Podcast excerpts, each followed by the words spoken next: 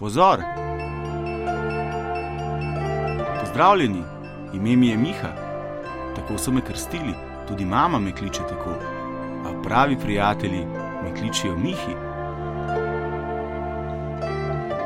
Pokliči me tudi ti, postaniva prijatelja.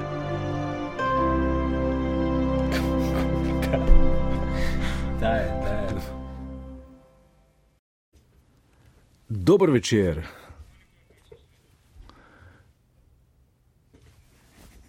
Dober večer. Spoštovani in cenjeni toplovod s krajšo zamudo, um, mami Zinka Štefan Konziljerje, srečko Melita Maži, Ismet in ostala elita, lep pozdrav tudi vsem, ki vas nisem omenil, a ste vseeno z nami več. Uh, Več vas je, ampak niste tako pomembni, kar pomeni, da je toplovod tako urejen, kot je urejeno življenje samo. Šala in to dobro, da se pohvalim. Ok, malce kasnejši smo, uh, plošče, ki drsal po ledu, ampak nič za to na poziciji portirja in tehnologa toplovoda je danes Matic, ki vas daje not, ne biti jezni na nje, če vas kdo ven vrže, vas jaz, pa še to samo takrat, kadar ste. Uh, res nesramni. Se pa zgodi redko, ker kdo pa sem jaz, da bi sodil en red, mora biti pa čeprav slab. Skratka, začenjamo 10 oziroma 11 minut kasneje, 11 minut kasneje bomo tudi končali, tako da za svoj denar dobite vse. Nič 1, 4, 7, 5, 2, 202 je numera, ki vaše ideje prek etra. Toplovoda lansira v naročje drugih za tiste, ki vam bolj dogaja, da v pol stavka odpravite s tem, pa je vedno na, volje, lo, na voljo lojtrišče imenovano toplovod.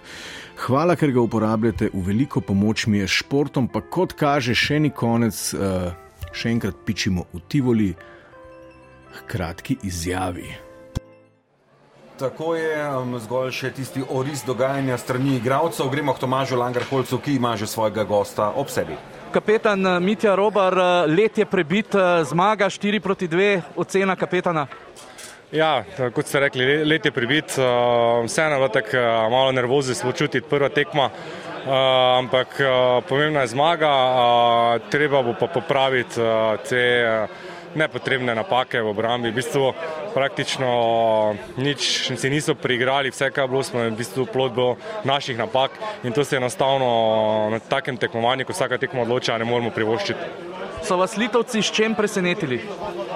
Uh, v bistvu niti ne, Zdaj, danes ni, ni slabih ekip več danes. Vsi znajo drsati, se boriti in na ta način nadoknadijo tisti mogoče primankljaj v individualnih sposobnostih.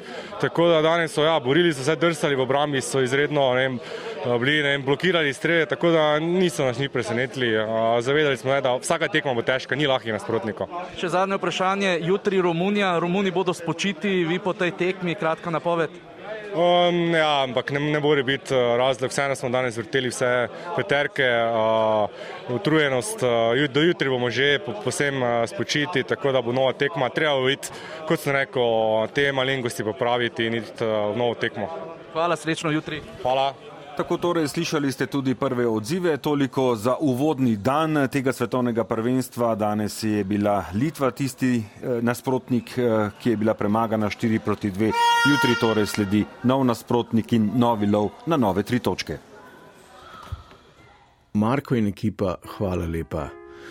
Zdaj smo izvedeli, kar je bilo nujno, da je še nekaj malih popravkov potrebnih tam v obrambi uh, in s športom za danes končujemo. Še enkrat dober večer, toplovod poslušate, nič 1475-2202 je numera, ki vaše ideje prek toplovoda lansira v naročje drugih. Tvitate lahko prek lojtrišča Lojtra toplovod. Hvala, ker sodelujete, toplovodna družina, brez vas bi bil tole patetičen samogovor. Kaj počnemo danes? Um, pravzaprav premišljamo odnos med nami, vladami in korporacijami. Uh, dokam jim bomo pustili v naše življenje? Naj jih razumemo tako kot planet Zemlja in kot infrastrukturo, kot neko bazo, kot nek temelj preživetja, ki ga je treba tako kot planet na nek način zaščititi. So one tu zaradi nas, vse bolj, oziroma smo mi. Tu zaradi njih je svet, ki ga bodo upravljale korporativne vlade ali ena sama, uh, edina alternativa temu, kar je, tudi take ideje se pojavljajo. Uh, kaj torej menite o tem odnosu, nič 1, 4, 7, 5, 2, 202? Uh, tega se seveda lahko lotevamo.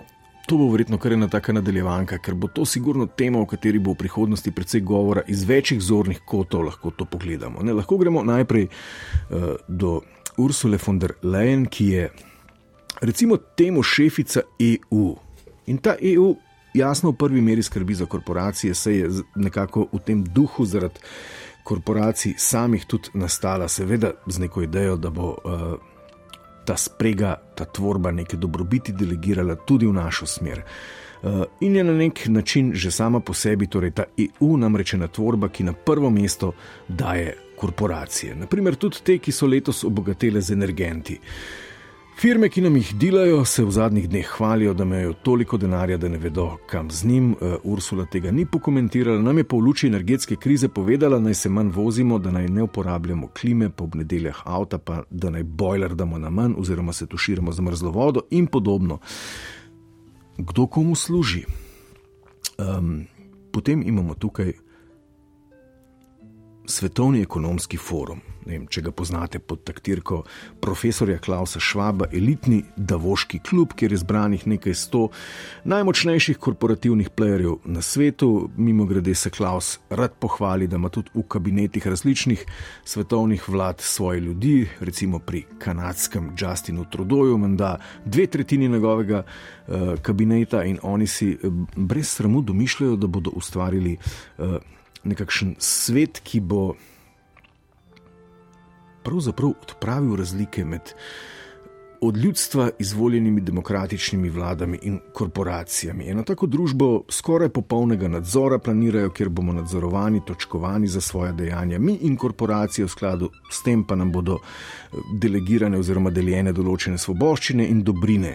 Eh, zasebne lastnine bo nekako manj, od korporacij bomo svoje življenja praktično najemali, seveda potem, ko nas bodo uh, ocenili, kako vzorni državljani smo, ne? en tak korporativni neosocializem, če je to sploh ta prava beseda. Ne? Kdor misli, da se hecajo, naj gre na njihovo spletno stran. Jaz sem trikrat kliknil, če ni ponarejena, ali pa naj si prebere Klausovo uspešnico zadnjega časa, The Great Reset, kjer jasno piše, kak naj bi bil svet po. Uh, viziji najmočnejših ekonomskih playerjev po COVID-u, No, kako izgleda tisto točkovanje, ki sem ga prej omenil, eh, poznajo Kitajci. Smo ga pa skusili tudi pri generalki za ta krasni novi svet, to je bila ta epizoda COVID-a. Eh, sami veste, greš na črpalko, če nimaš zbranih eh, vseh državnih točk, si lahko natočil samo gorivo. Ne? Tisti, ki so obogali in zbrali vse državne točke, med njimi sem bil tudi sam, smo šli lahko noter in si kupili rogliček. Mogoče bo tak ta svet prihodnosti. Eh, če bi radi še kako prakso svobodnega sveta, ki ga rolajo zlobirane vlade in korporacije, pojdite na katerikoli letališki terminal, kjer boste kmalo ugotovili, da se vse plete okrog parih kolektivnih mitov. Najprej vas bodo sezuli, potem vas bodo dali na rentgen, vas prešlatali, vas prevohali, vas pretipali s tesari za eksplozive, ker kolektivni mit pravi, da smo vsi potencijalni teroristi že od 11. septembra tistega davnega leta v začetku milenija. Potem, ko vas bo nadrlo kup malih uradnikov in vas bodo kot živino, ki uh, ne zna sama najti poti, usmerjali trakovi označbe. Uh, na tleh in priganjanja uradnikov in podobna orodja za pašo čred boste uh, podlegli kolektivnemu mitu številka dva, da smo vsi prenašalci uh, zlokobnega virusa pri enem uradniku, bo šla skozi navadna maska, drugi bo rekel, da so pravila pri Ryanair drugačna, ker oni vedo, zakaj gre da potrebujete FFP in kup potrdil, dokumentov za skenirati. Skratka, ko boste dal skozi uh, tudi to popolno razčlovečenje in se bodo vlade in korporacije odločile, da greste lahko na tisti zračni avtobus, vas bo usmerjevalna tehnologija popeljala v krasni novi svet nakupov. To je en tak čudovit nebeški prostor, kjer so po stenah kar LCD, reklami, eh, LCD ekrani in se skozi vrtijo projekcije čudovitih artefaktov, ki jih proizvajajo za vas, vse diši po super dišavah in tam si lahko kupite tudi vodo, ki ste jo prej stran zlili, marmelado, ki so vam jo vzeli, ker je eksploziv, parfume, gučico, patke, skratka vse, za kar se živi. Samo uh, enega preprostega razkožilnika za roke, ki bi bil najbolj nujen in najbolj logičen, ker tam vsakdo prešlata vse, ni na celem jebenem letališču. In potem greste lahko na letalo, in potem še enkrat ponovite kompletno proceduro z nakupi ured, da ne bo pomote, in greste domov. Skratka, kompletno razčlovečenje po meri vlad in korporacij, ki um, se za moj okus zadnje čase preveč dobro uh, razumejo. Ali pa tudi ne, ne, lahko filozofiramo tudi v to smer, da so postale tako nujne kot prst, tako nujne kot čiste vode, tako nujne kot planet. Ne na zadnje. Kako vi razumete to sprego, dokam naj jim pustimo, oziroma še boljše vprašanje je, dokam naj one nam pustijo, ker lahko smo pa, bom rekel, utopično distopični in pač pristanemo na to idejo, da bi bil uh, svet, v katerem smo zgolj na paši, še najbolje urejen, če bi ga urejali tisti, ki stvari znajo urejati. Kaj porečete? Nič 1, 475, 2202, ker je bil hokej, ne bomo muzike, gremo v živo, dobro večer, s kom govorim. Ja, dobro večer, zoren tole. Uh, jaz bi sam nekaj rekel. Tehnologija omogoča vse to. Ja. To je problem. Ja, zakaj bi bil to problem? Tehnologija lahko služi, služi človeku. Poglejva samo družbena omrežja, poglejva Google, poglejva Facebook. Služi človeku. Zato so ljudje to, raz, to tehnologijo tudi razvijali. Ja. Ampak zdaj se je pa to spremenilo v drugo spet. In to je problem. Ok, da je vzeti recimo en YouTube. En YouTube bi, bilo, bi lahko bil ali pa bilo orodje, ki bi produciralo, ne vem, pet milijonov doktorjev znanosti na leto. A se strinjava? Ja, okay. mogoče z... sam, čeprav to čist ne razumejo. Ampak... ne, ne, oni razumejo. Tukaj gre no, za. Redo, okay. Ja, povete. Sposobni smo, kako bi rekel, dematerializirati informacijo in jo poslati vsak dom na svetu v nekaj milisekundah. Ali ni to čudovit dosežek človeštva? Vsekakor. Ampak kje je zdaj problem? Kje je zdaj problem? Problem je, ker, lete, vete, v čem je problem? Eh, ker je tehnologija prišla na tak nivo. Ja. Eh, na takšen nivo, da je v, v, v, v tehnologiji, mislim, v lasti je pa pravzaprav v kako bi rekel, v tistih, ki vladajo.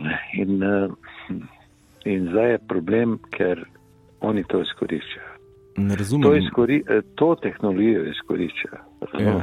Ampak zakaj jo izkoriščajo? Ja. Da je to poskusiti najprej razumeti. Ko ste uvod naredili. Ne, ampak jaz mislim, da sami po sebi niso oni hudobni. Oni ja, v prvi niso, meri ampak, vse svoje produkte verjetno prila, prilagajajo četrtletnim poročilom. Ne? Oni potrebujejo dobre številke. Ja, to ste zelo povedali. To ste zelo dobro povedali. Ja, Jaz to zelo dobro poznam. In, ja. to, to je stop center. Zakaj to delajo? Ja, zato, ker je pač dobiček, dobiček Seveda, ta, ki ga ni, ne? pritisk, ki obvladuje vsako, bom rekel, zasebno dejavnost. Razumem. Dobro ste rekli to. E, zaradi dobička, ja, tako je, točno tako. Ampak kje je pa dobiček? ja, vi povejte, kje je dobiček. Ni ga, v luftu je. Oni si nafilajo žepe, pa grejo. O, vsi drugi pa od tega nimajo nič. Ok, ampak to je ena taka poenostavitev. To, da nimamo nič od tega, to, to preprosto ne drži. Dobro, gledajte, to je poenostavitev, ja, se strinjam. A veste, verjetno se vsi te gigantski tehnološki napredki ne bi zgodili, to je treba verjetno tudi upoštevati, ne, če, strinjam, če ne bi bili ja, deloma ali pa v veliki meri gnani z dobičkom. Ne? Ja, seveda, lete, Ja. to je sto procentno. Se strinjam z vami, samo tu so bile velike žrtve tudi. Lete, vse, to Ja. ja. jaz vse razumem, kaj vi govorite. Samo uh, Nočem, treba tudi poštevati to, da to ni čist poštena stvar, tako eni govorijo, da je to pošteno. Ne, ja, kaj Pa bi ni, bilo pa ne. pošteno? Kak? Mislim, ne razumem, kaj tukaj ni pošteno. A, če greva, da bo vzeti en, eno tako gigantsko podjetje za primer, kar vi ga lahko izberete. Ja, sam ne mi teh novodobnih povedati, ker tudi Ne, pa lahko, vi, si ga lahko izberete. bolj Ne vem. Bolj, ne. Lejte, kak? Vi si, vi si izberite si eno korporacijo. Ja. Ki je šla potem v stečaj. Ma ni nujno, izberite si eno korporacijo in povejte, kaj je, kaj je, kaj je v, v, v njeni zgodbi nepoštenega. Lejte, Okay, Vzamemo Eh, za primer je Pfizer. Ogromno, ogromno smo poslušali o. Pfizerju. Kaj je, v, kaj, v tej zgodbi je nepošteno. Ja. V, lejte, v vsaki zgodbi, ko ste zadnje povedali, je nepošteno, ampak to zdaj, lejte, jaz to tako poznam. Lejte, vedno je bilo skozi pošteno, skozi je bilo pošteno, pa je pa kar naenkrat fi- firma, fabrika ali pa korporacija je šla potem v stečaj. Ne? In kaj pa pol? In, ka, in pol so se ljudje sprašvali, je pa kaj pa je bilo nepošteno. Ne? ne, pa, za- zakaj govoriva zdaj Ja, o me stečaju? da je vzeti za primer en, en Google, eno podjetje, ki mu gre super. Google je druga stvar. Ja, ma, ma ni druga stvar. Google ni je ena taka čudovita korporacija. Ne, kaj je zdaj narobe pri njih, kaj ni pošteno? A to, da Njih njihov, a to, da njihov ne produkt ni da dober, a produkt ni dober, a Ne, ne, ne, ni dobro, da glejte, preveč zaslužijo. Ja, vi mogoče ste na, zdaj na drugih eh, tretjih firmah, jaz sem bolj mogoče tukaj, v nekih drugih, ne, ne vem. Ja, dajte povedati, kaj imate v mislih. Ja, Google, Google jaz ne poznam, gledajte, Google jaz ne morem reči, ne, kak je to, ko je pošteno, ko ni pošteno. Kaj pa Ampak, Volkswagen Group? Ja, Volkswagen, to je. A bova prišla s farmacevti? Vi, vi, vi postavljate same firme, kot so svetovne firme. Lejte, to, to so svetovne firme, to je to. Ne vem. eh, To, vi govorite zdaj, ne vem, prej ste nekaj začeli videti stvari, zdaj pa govorite o firmah, ki so Ja, v bistvu nosilec razvoja. Ja, pa govorim o močnih, ja, govorim o močnih eh, globalnih korporacijah, ki,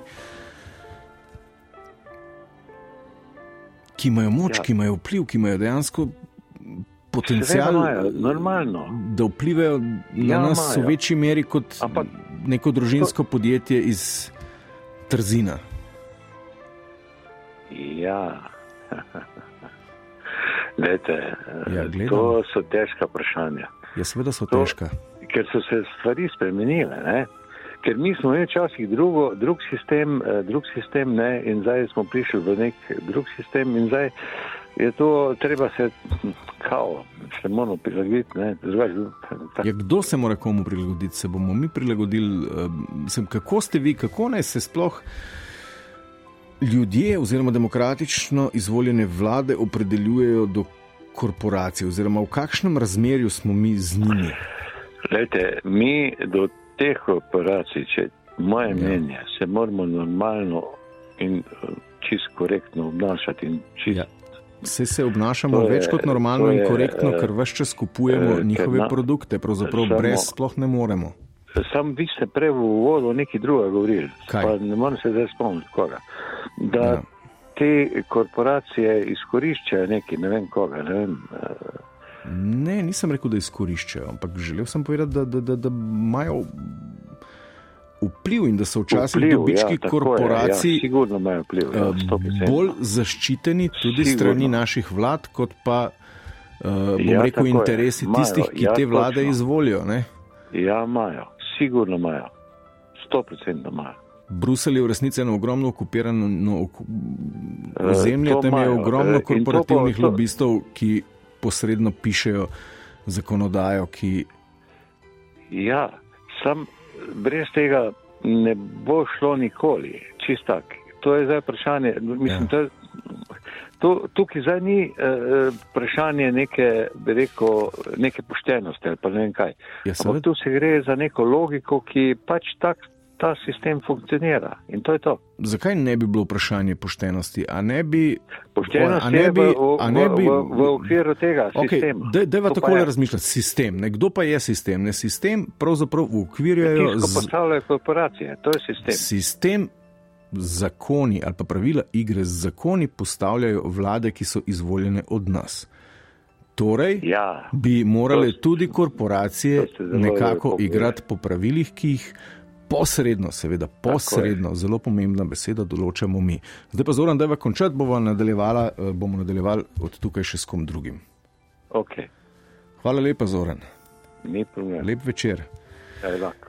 O odnosih med korporacijami, vladami in ljudstvom govorimo. Dobro večer. Dober večer, to Marjan z Vajdošne. Marjan iz Vajdošne, pa kje ste, Že bil, nismo kje slišali. ste ja. bili dolge mesece? Ma, spal sem, ne vem. Odlično. Veš kaj, ne, ma, nekaj si pravo prej od letališč, ne?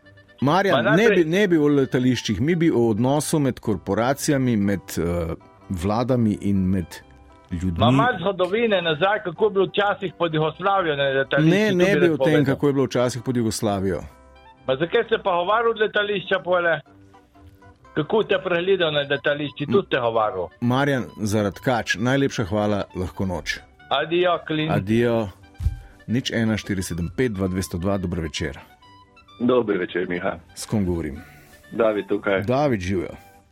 Evo ena konkretna povezava med torej vladami in korporacijami. Oboje volimo, ker smo demokratična ureditev. S tem, da vlade volimo z volilnimi listi, Ja? korporacije pa volimo z našo denarnico.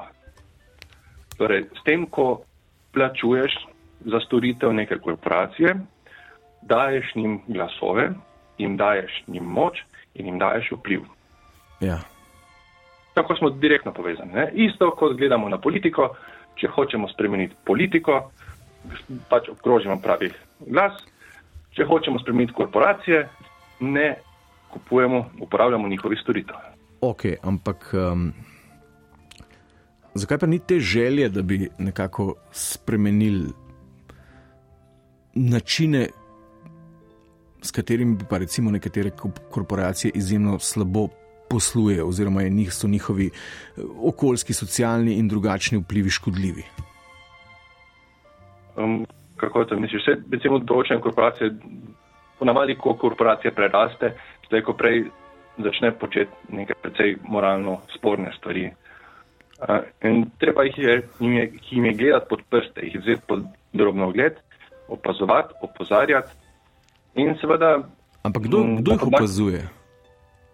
Uh, marsikdo, lahko kot posamezniki, koliko pa zmoremo, a potem ste tu novinari, profesionalni novinari, Ja. greste, se zarijete v drobovje korporacije in spremljate na terenu, kaj konkretno te korporacije delajo. Ne?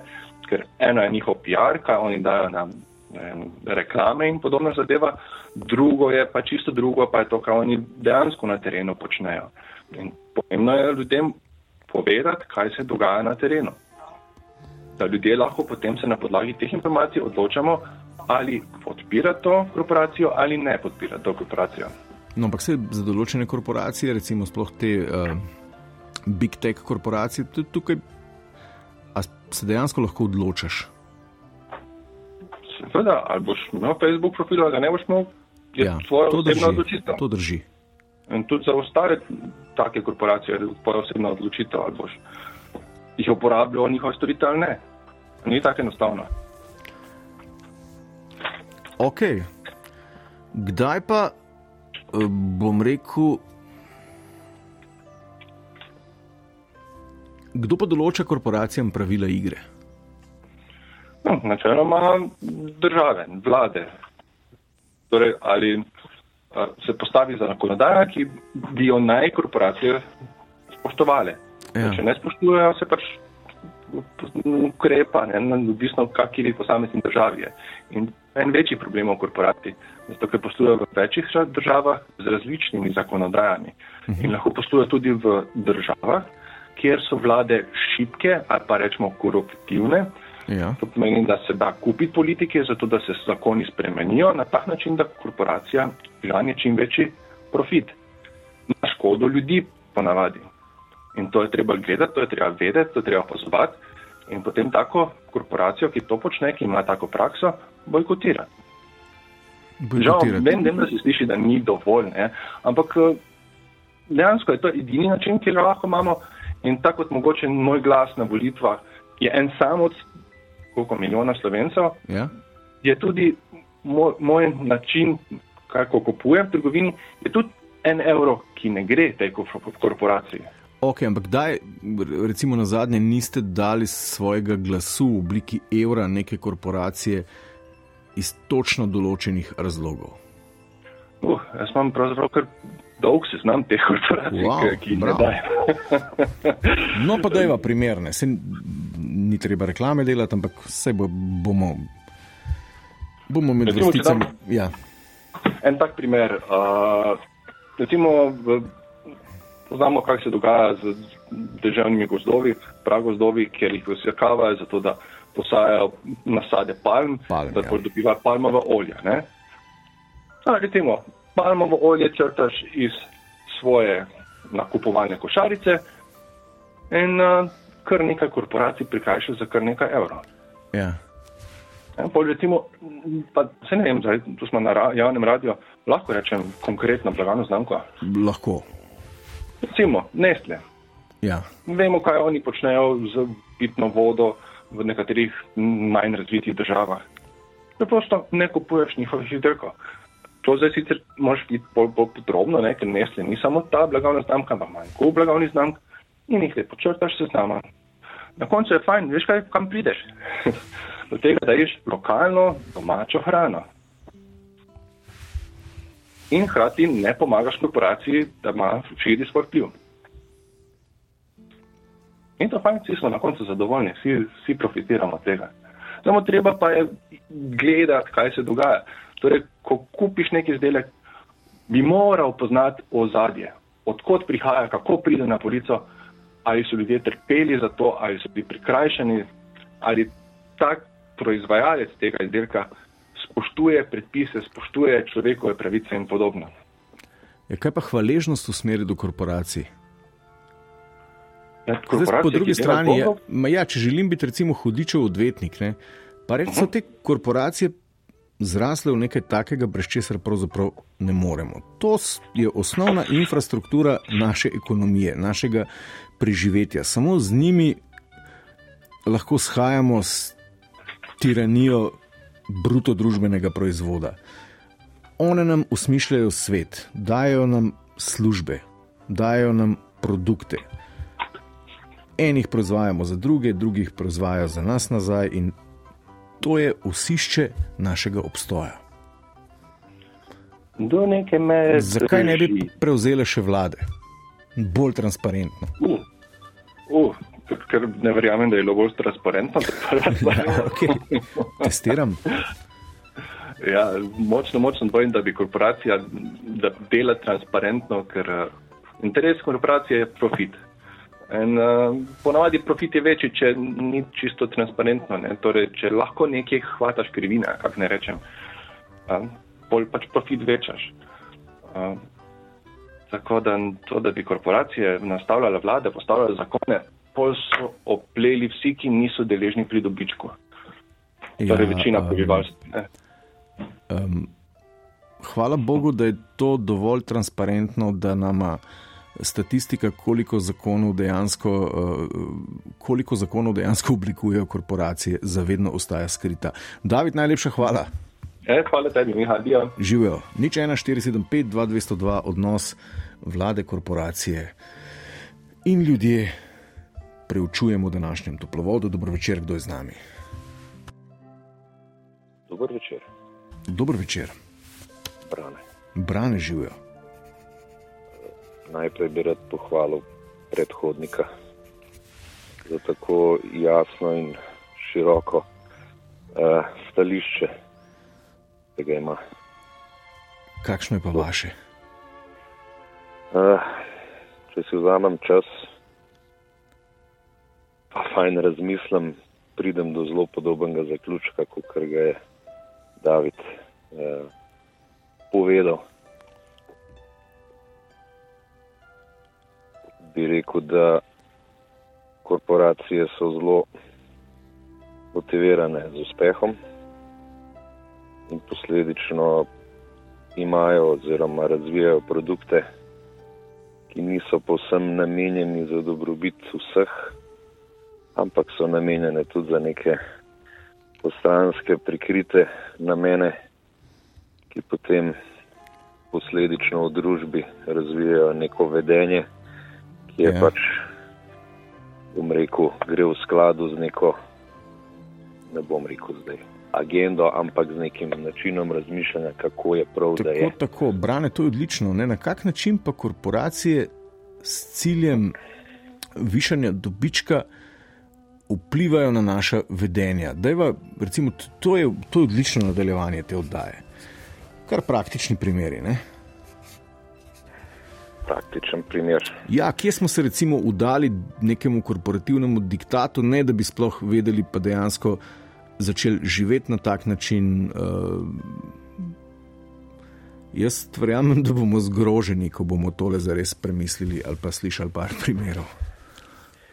Ja, bom rekel tako. Uh, ljudje smo v splošnem ignorantni in posegamo po nekih dostopnih in zabavnih, bom rekel, platformah. Uh, in s časoma smo tako zasičeni s temi platformami in informacijami, ki letijo neprekinjeno v našo, bom rekel, v, našo, v, našo, v, našo, v naše glave. In nimamo časa se ukvarjati z zadevami, kot jih je recimo David prej opisoval, ja, ja. pravičnosti, eh, bom rekel, za nek izdelek tamle, ki je sladek, pa okusen, pa poln čokolade in palminega olja in cukra. Uh, odkot v bistvu to izhaja, kaj je cena za to bila, da za vsako majico, ki se proizvede, gre en kubik vode. Ja, to, ja. to je v bistvu lažje biti, igno, ig, ig, ig, ig, imeti ignorantski pristop, kot pa se soočati z dejstvi, pa nekaj narediti, da to ni čistko. Ok, brane, se strinjam, ampak verjetno smo mi s časom, ne? seveda s pomočjo mnogoterih propagandnih gradiv, s katerimi nas obstreljujejo po vseh kanalih vsak dan, pravzaprav se počasi spreminjamo. Ampak prepočasi, da bi se teh sprememb zavedali. Ne? In na koncu, pač, na koncu si pač homo potrošnik, ki, uh, bom rekel, si pristal na uh, paradigmo celodnevnega dela, šest ali pa pet dni na teden, zato da boš ob večerjih trošil za do, dobrine, ki jih ne potrebuješ, dobrine, ki so pridelane na et, ne, neetičen način, ki ustvarjajo revščino na drugem koncu sveta, ki delajo okoljsko devastacijo, ki ob, posledično smo pristali na, na, na slabo hrano, na, na slabe kalorije, na podnebne spremembe. A lahko rečemo, da so to recimo vse slabi učinki, um, slabi učinki korporacij? To je produkt korporacij. Ok, ampak kdo bi nas pa moral zaščititi pred tem? Lahko, ker težko rečemo, sami se ne moremo. Se verjetno mi že posledično, oziroma posredno s tem, ko participiramo recimo v demokratičnih procesih, se želimo zaščititi pred tem, ali bi nas morale vlade zaščititi pred tem? Bojim se, da takrat, ko pride, eh, bom rekel, naših pet minut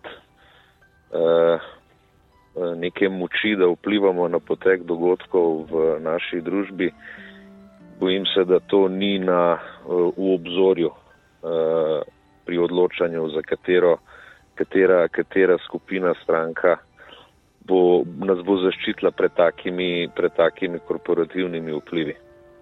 Sploh ne v eni državi, kot je naša, ki pravzaprav je zelo, zelo vezanih rok, kar se tiče neke zakonodaje za varstvo pred korporativnimi nekimi načrti in plani. No, ampak se ti. Jaz zdaj tako razmišljam zelo, zelo, zelo amatersko, pa naivno. Ne? Ampak se mi zdi, da tukaj da, da, da, da ni, da ni težko določiti teh pravil. Ni jih težko, ampak eh, te korporacije se nekako širijo svoje lovke hitreje, kot bi zakonodaja jih lahko oziroma predvidela njihovo širjenje in s tem določila neka pravila, da zavarujejo potrošnike. To je zelo lepo vidno recimo v tem uh, high-tech oziroma v tem, v tem področju, kjer, kjer v bistvu razvoj je deset let pred neko zakonodajo oziroma pred neki, neko regulativo. Da vedno je ta zamik in vedno, vedno je neka škoda povzročena, dokler potem zakonodaja to na podlagi ali pobude iz, eh, iz, iz eh, civilnih pobude ali pa iz nekih odmevnih eh, primerov, kjer je povzročena neka škoda, potem pa začne razmišljati o regulaciji tega in onega.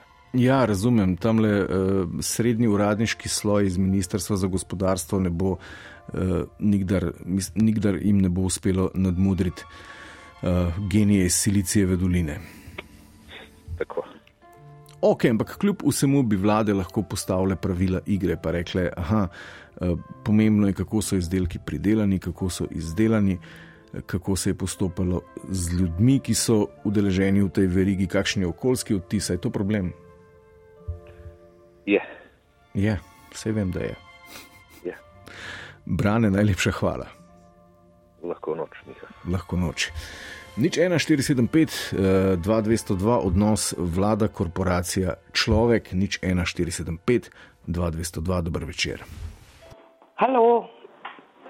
Halo. Živijo tukaj Miha, kdo je tam? Ja, lep dober večer, Hannibal iz obale pri telefonu. Hannibal. Uh, torej, tako, mal bi povedala nekaj o korporacijah. Um, moje mnenje je namreč takole, jaz to vidim.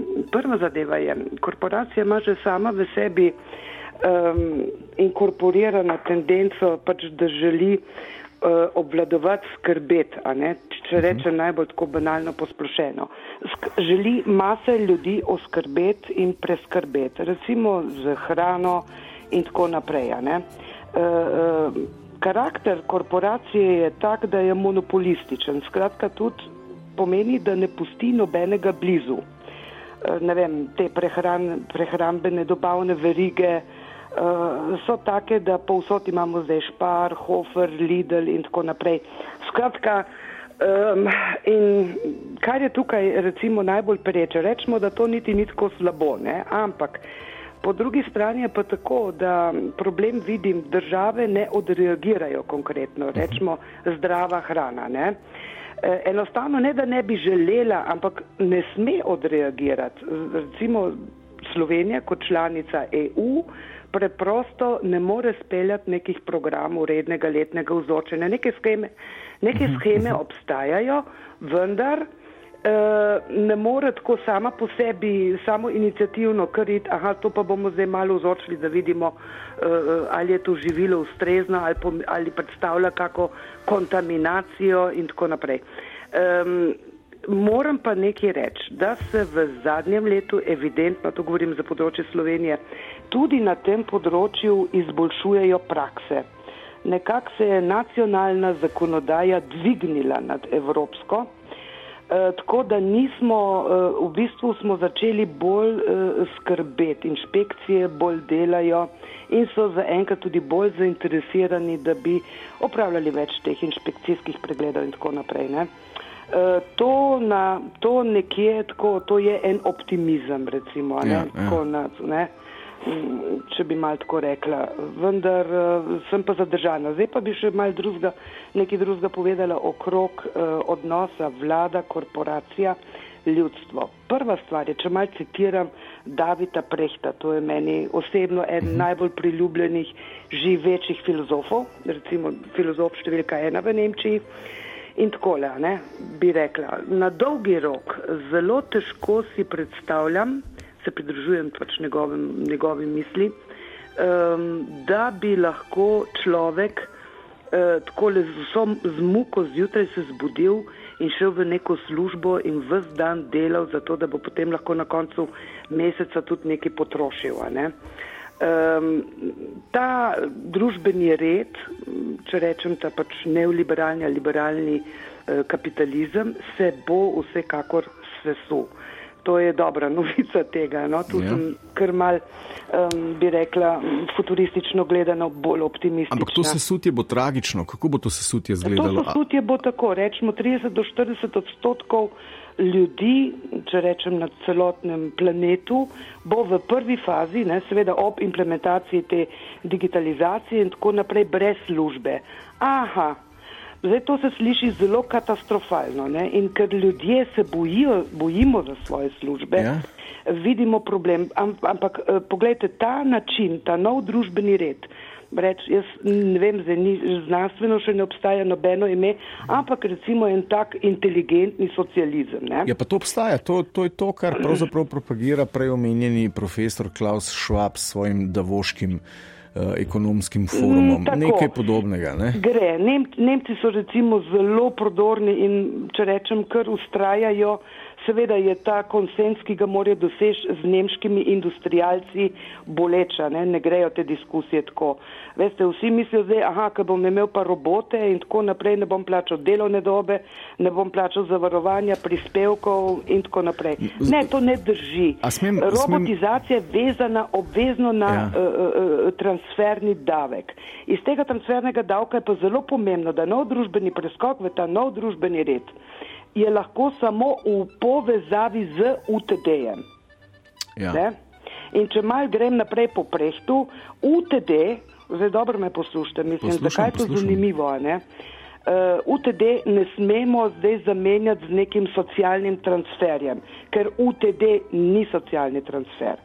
UTD tudi mora biti dovolj visok, da omogoča dostojno življenje. Kaj je to dostojno življenje? Recimo karikiram, zdaj, ko imamo te podražitve in tako naprej, izpod Jurija 200 ne, ne sme noben dohodek biti manjši. Okay, torej, če UTD, družini... če si jaz predstavljam, UTD bo moral biti takrat v tej distopični ali pa utopični prihodnosti dovolj visok, da bo, bom rekel, korporacijam še vedno predstavljal dobičke, ne? ker Lejte, ne bo to samo bodo... držalo, zdaj recimo ja. smo, recimo, ne vem, zdaj se ne spomnim točnega imena, en južnokorejski predsednik te monetarnega fonda za izravnavanje valut, ne vem, zdaj točno njegovega imena, je nedavno pred nekaj let rekel, pravzaprav ekonomija pluje zdaj v, v tako kalni vodi in dosegle pri maksi, maksimiranju profitov zgornji plafon. In enostavno tukaj ni več kaj maksimirati te profite. Treba se bo vrniti nazaj na en mehki, če rečem tako, mehki kapitalizem, ali pa jaz rečem en tak zelo inteligenten, sodoben socializem. Ampak ne? to bo korporativni socializem, ne? E, tudi? Nič, Ne, nič ni tudi, narobe. ne, Ne, tukaj- Lejte, pomembno ne, je, da so želim. delavci vključeni, ampak še neki. Ja, Ni problem toliko, napačna je percepcija, mislim, jaz sploh ne vem, odkot ljudem tako indoktrinirani smo že v bistvu, da je nujno zlo, da moramo delati, hoditi v neke službe in tako naprej, da lahko živimo. Nikjer v tem vesolju tega nimate. Ne zdaj reže, to je utopizem. Dejansko eh, dela, mis- jaz sem osebno prepričana, da je zelo majhen odstotek teh ljudi, ki bi recimo ob nekem primernem UTD-ju, ki jim omogoča tudi več kot samo plačevanje najemnine, prehranjevanje, ne vem, Ja, obleka, ja. nujne, zadovoljanje nujnih eksistenčnih uh, potreb, uh, pustila dovolj denarja, da lahko konzumiramo tudi kulturo, umetnost, ne vem, znanost je tudi zanimiva in to je pomembno. Zdaj v tem trenutku je prav ta družbeni red ukinja vse, a ne, tudi na Ja. kulturnem. Um, področju umetnosti še posebej. Lete, brez tega ni visoke dodane vrednosti. Seveda. Aha, rabimo visoko dodano vrednost tudi v bodoče. Se strinjam, evo, podpišem. Ampak ljudje, ko stikajo glave skupaj, recimo na neki otvoritvi, prireditvi, na afterpartiju, genialne ideje so tam ob tem druženju ne, in tem kozačku vina lahko rojevajo. In ta nova dodana, visoka dodana vrednost, to bodo novi potencijali tudi, da ne vem, se, bo, se bosta dva dala skupaj, tri, štiri in nekaj bodo producirali, kar bo družbeno potrebno in koristno. Zdaj, takole, Okay, ampak odkot, če se lahko tukaj Ja. ja. ustavi, od, odkot bo pa motivacija, da bo to sproducirano družbeno koristno. Ne? To Glejte, me zanima, ker zdaj te Ja. motivacije pri korporacijah, razen če niso eh, pritisnjene in strogo nadzorovane, v glavnem ni, ne? sploh pri velikih, kjer gre za razpršeno odgovornost in je to kar en tak uh, model. Glejte, ta zdaj, zdaj bom spet mal skočila nekam, na tole moram dve besedi vseeno povedati. Ja. Namreč takole vlada, ne? kaj pa lahko ena vlada naredi? Dejansko je vodijo korporacije politiko. Ne? Tu so najeti, ja. pač to gre po taki ustaljeni praksi. Vse veste, kako gre. Kongresmen gre v neko ciljno željeno destinacijo in tam poskuša ne najvišjega, tam drugega, tretjega v redu državnega funkcionarja vplivati na njega, korumpirati. To je vedno isti model. Aha, in potem se pa uveljavlja, pa se pa odprejo vrata, pa pridejo korporacije in vse, kar sodi v ta uh, sklop. Mm, Trgovske verige, ne vem, za vse bi radi poskrbeli. Ne? In to je tako, da mm, pravzaprav tudi politika ne more nič, ampak nekdo pa lahko veliko naredi in to no. spremeni. In to so ljudje. Kako? Ja, enostavno je treba zelo jasno artikulirati, v kakšni družbi želimo živeti. To je vprašanje, ki ga morajo odgovoriti filozofi, ne politiki. Ja, filozofi, ne ampak, ampak, gospodarstveniki. ampak, ampak, ampak tukaj imamo pa, š- tukaj imava pa še en nov izziv, da v bistvu našo idejo, v kakšnem svetu želimo živeti in v kakšnem svetu Tako. živimo, uokvirjajo v resnici korporacije. E, svojimi- pravim, na to mora odgovoriti človeštvo. In tukaj bodo mogli najti dogovor z, korpor, z korporacijami. Ampak kako- Žal kako vemo, bomo- da sta to dve nasprotujoči, Filo- čisti antagonizem interesov. a ne? Razumem, ampak filozofi so v manjšini, mi smo pa pravzaprav narojeni, urojeni v korporativno realnost. Lejte, intelektualci vodijo in vlečejo svet naprej. Vse spremembe družbeno so se vedno dogodile prav z, pod vplivom in seveda potem pomagali so, mislim, v glavnem delovskemu razredu, vendar najprej mora biti ideja, diskusija in razprava. Jaz pogrešam, ob tej priložnosti bi pa še to povedala, ne? zdaj, ko imamo take probleme na RTV-ju, štala, ja. menjavanje in tako naprej. Ne? Mislim, katastrofa, o tem ne bi izgubljala besed ker to je nesprejemljivo. a Ne? Vendar mi jaz pogrešam in upam, da bo nov ma- mandatar ne, res poskrbel, da bomo imeli kvalitetne, inteligentne oddaje, recimo po nekem zgledu, tudi CTF, čeprav je to tudi kao neki mainstream in tako naprej, talk šove, kjer bodo se pogovarjali intelektualci, razglabljali o družbenih problemih Okej, in tako eh, naprej. Treba je ljudi Hannibal. ozavestiti. Ja. Ja, se strinjam, da je treba ljudi ozavestiti, ampak da je biti. Ne, jaz upam, da bo imel, jaz upam, da bo poskušal imeti mandatar čim manj vpliva na naše delo, ker tole, kar se je zdaj zgodilo, je tak dreg, da me je sram. Ne vplivati, pustiti je- svobodo, ker jaz verjamem Razumem svobo- vem. ja, ampak- Poznam veliko RTV-jevcev, pa. Madonna se tam, Eh, zdaj ne bom klele. To debato bova drugič nadaljevala. Ja. Nov zakon je treba spisati, pika. Tako, no to je seveda pravna podlaga. To je naloga mandatarja. Tako. Dobro, Potem okay. nas se pa čim manj res, da lahko zelo svobodno, suvereno in tudi, eh, kako bi rekla, mm, res z eno visoko dodano vrednostjo tudi ta RTV mora zdaj uh, Okej. uh, opravljati svoje delo. Evo, Najlepša tako. hvala. Ja, ni zakaj, se slišiva. Se slišiva, Živela lahko lep noč, adijo. Uh, nič 1, 4, 7, 5, 2, 202, dober večer. Dobro večer. S kom govorim? Borut, eh, Borut tukaj. Borut žive. Zdravo. Borut Jaz- dela kaj dobrega v korporacijah. Ismeta zanima, Ismeta, Ismet na Twitterju prav, ful, ful bi me zanimalo slišati tudi pozitivne učinke korporacij. na Evo. nas. Sej, Evo, jaz, jaz imam, eh, tako bom rekel, kaj je moja predhodnica povedala, je zelo zanimivo, pravzaprav je popravila velik, oziroma se strinjam z njo v veliko točkah. Um, jaz bi mogoče, jaz bi samo mogoče nadaljeval. Uh, vprašanje, videla sta končala pri kdaj, kdo, kdo bo začel to revolucijo, spremembo sistema. Ne? evolucija. In evolucijo, evolucijo. Ne? In dejansko jaz mislim, da ja, seveda intelektualci vedno potegnejo in vodijo, ampak in inte- intelektualci so tako, kot bi rekel, pri človeku. Um, verbalizacija, da nekaj poveš, da ti ni v redu, da nekaj poveš, kaj bi želel početi. Ampak najprej moraš pa v samem sebi čutiti neko nezadovoljstvo, neko bolečino, neko, neko trpljenje, neko motivacijo, da greš iz te točke na drugo točko in šele potem intelekt ti začne delati. In isto z intelektualci, če se s predhodnico popolnoma strinjam, ampak mislim, da enostavno ljudje moramo, pač tako smo narejeni, družba je tako narejena, da spremembe vedno se zgodijo, ali pa ne samo v družbi, ampak tudi v vsakem od nas, se zgodijo takrat, ko je največja bolečina, ko enostavno ne moreš več, ker je potem je potrebno narediti neke spremembe. In um, um, glede korporacij, je bilo, zelo zanimivo je bilo, ko si zastavil, ko si zastavil svojo vlogo na začetku. Ker potem sem te poslušal samo prek telefona, tako da nisem, ved, nisem slišal vseh. Ampak všeč mi je, ko si spodbudil vlogo zagovornika malega človeka, potem pa zagovornika velikih uh, korporacij. Pa, uh, in, in dejansko jaz, sem, jaz vidim tukaj, se zelo sovpada z mojim pogledom, se pravi, da so korporacije samo transcendenca našega enega malega človeka. Se pravi, uh mhm. -huh. korporacije, tako kot en mali človek, imajo pohlep, imajo, imajo in, ja, uh, individualnost, ja. imajo okay. svojo genialnost, imajo svoje bolečine in ima svojo, tako kot sem prej rekel, ima svoj intelekt, ki bi želel neko, neko, neko vizijo, kaj bi želel um, v, v budučnosti. Ne? Ja, ampak tukaj se postavlja vprašanje, kdo zdaj koga ustvarja. Ne? Če rečemo, da so ja. korporacije transcendenca malega človeka, tam je imenitna.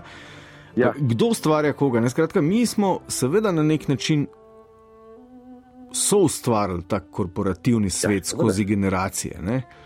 Mi smo korporacije. Mi smo korporacije. Ampak prav si najmanjši SP na, na, v tem Sloveniji, si del korporacije. Ne? Ne, korporacije so, so, so, so nepogrešljiv del nas, ne? so, so infrastruktura našega preživetja.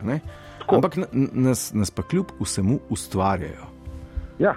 Ne skozi svoje, uh, bom rekel, propagandne materijale, ki so, ja. bom rekel, žal nimamo te raziskave, ampak to je, prepričan sem, da je to ena velika, velika, velika večina vseh informacij, ki jih v življenju človek sodobni pozavga vase, gre pravzaprav za korporativno propagando.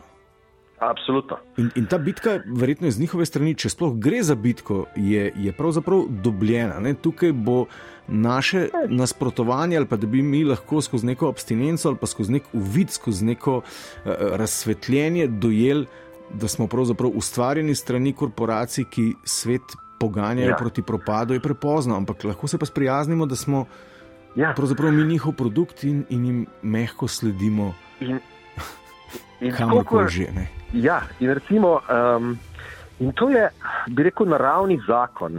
Ja. Pravi, korporacije um, bodo uspevale, dokler bodo ljudje bili kokr tok zadovoljni sami sabo in svojo življenje. Govorimo o povprečju. Se pravi, uh mhm. Mhm. njihovi delavci morajo delati v redu, se pravi, lastniki morajo dobiti svoj profit, um, čim enkrat navijajo preveč v eno smer.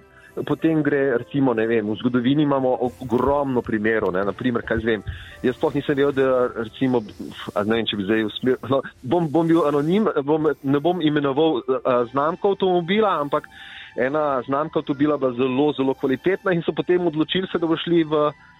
V, uh, da bo povišal dobičke, da bo zmanjšal v, v, v, stroške, slabše materijale dal in dejansko je, je, je, so šli profiti v nebo, ne? ampak so šli po 15 letih je pa ta znamka zgubila sloves in je šla, mislim, in zdaj velja za eno izmed uh, cenejših, ne? prej bila pa ena izmed najboljših. Ne? Skratka, um, Se pravi, to hočem povedati, da, da, dejansko, da dejansko je ta naravni, naravni um, zakon uh, plenilca in plena.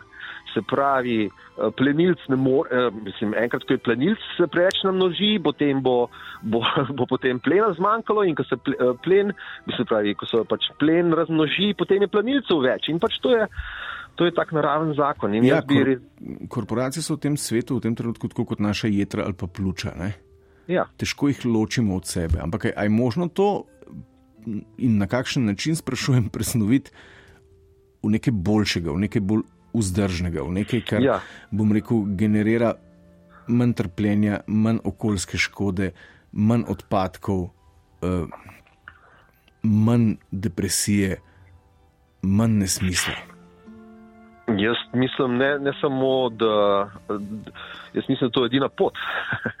da je edina pot, se pravi, uh, edina pot je to, in seveda zdaj se spet vračamo na, um, na individualno raven. Koliko Ja. kolik, kolik recimo, um, čak, kdo je že, jo, zdaj sem si pozabil, um, en znan. Ne vem, ne vem. V glavnem, neka znan ameriški podjetnik uh, in je obogatel, omilijardev in ni, ni zdaj en izmed tistih treh, štirih najbolj Ja, slavnih, ja, ampak ja. v glavnem on je, on je potem šel nazaj v, v to, uh, v duhovnost in, in tako naprej. Ampak on ima še vedno ta, ta um, žilico podjetnika, ampak to se dela brez stresa. Ne? Se pravi, in, um, in tudi njegovi po- zaposleni naj.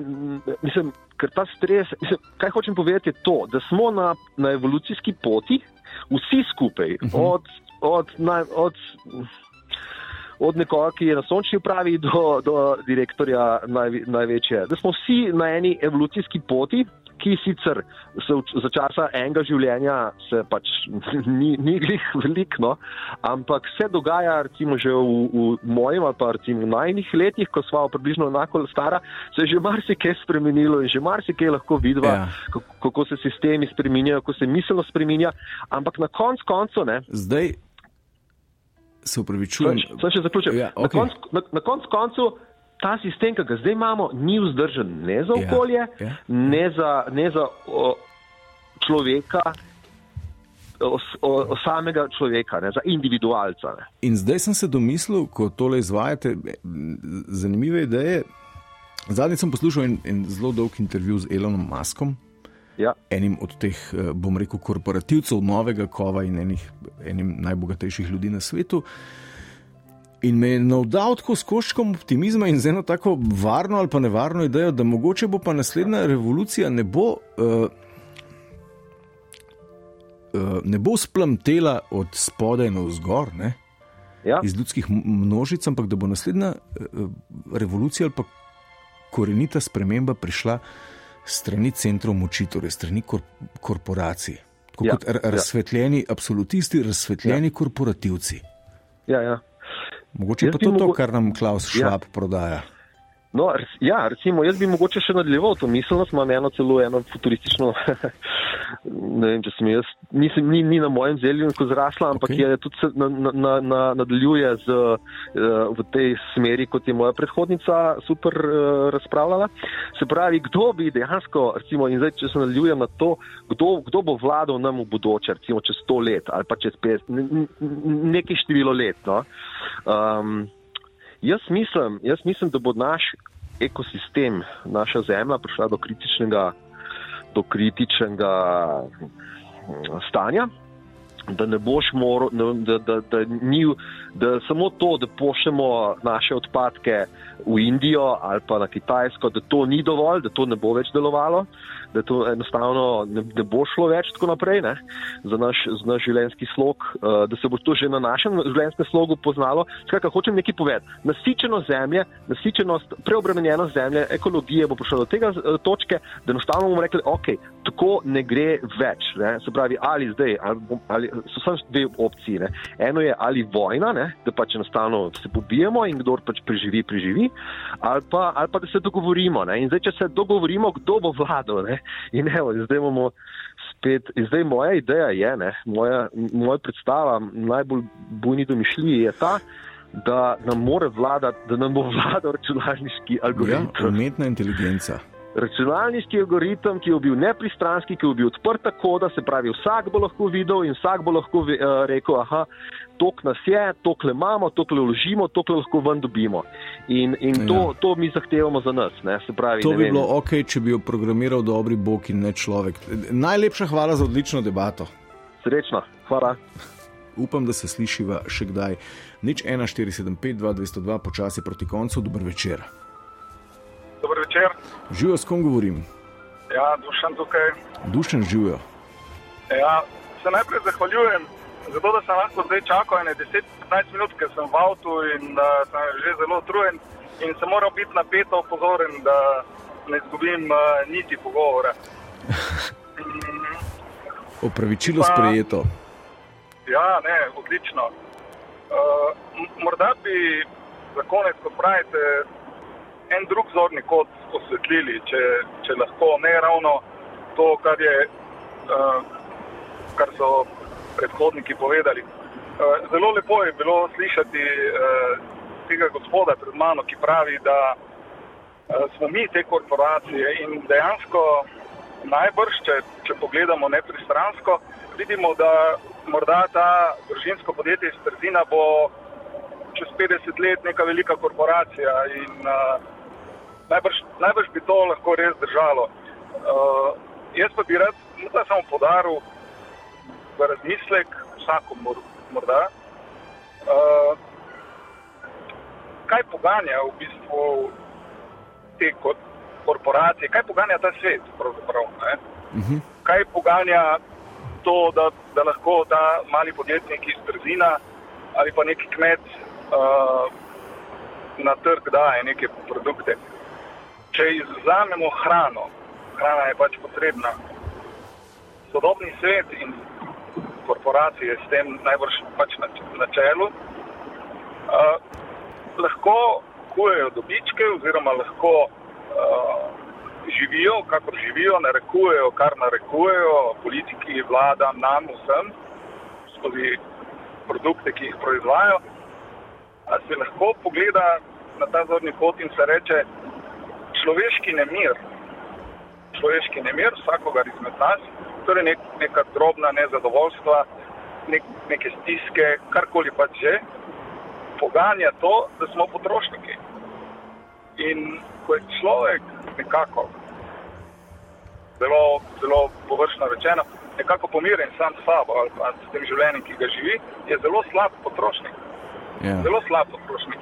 In, in človek, ne, revolucija, v redu, se mogoče bo taka ali drugačna, ampak če, če se človek zazre vase, lahko, kako je ta predhodnik, da res rekel, vidi, da ne, srčika teh korporacij smo mi sami z našo lastno, ne, tudi po, pardon, požrešnostjo ali lakomnostjo, pa tudi z našo dobroto.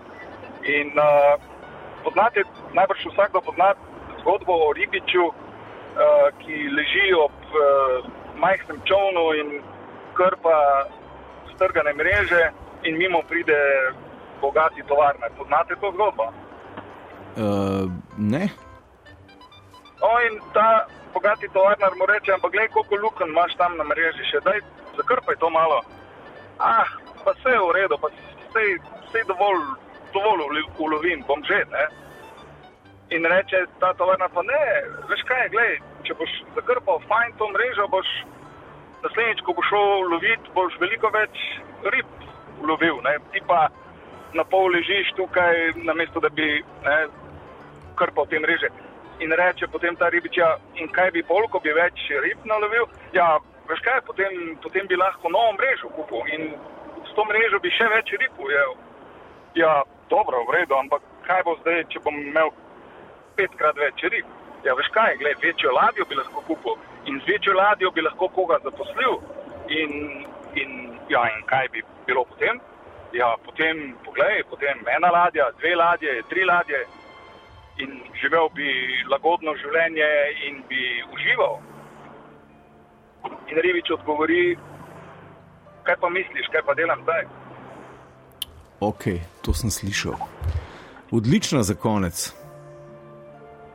Ja, en droben zorni kot morda gledanja na, na, na te reči, ki jih sem se ja, spomnil. Ja. Hyde Park, Park je včasih, uh, Park je včasih imel en, en podest, uh, na katerega so, mislim, da ob nedeljah lahko, ne vem, če, če še to funkcionira. Še, še. Uh, a še, no.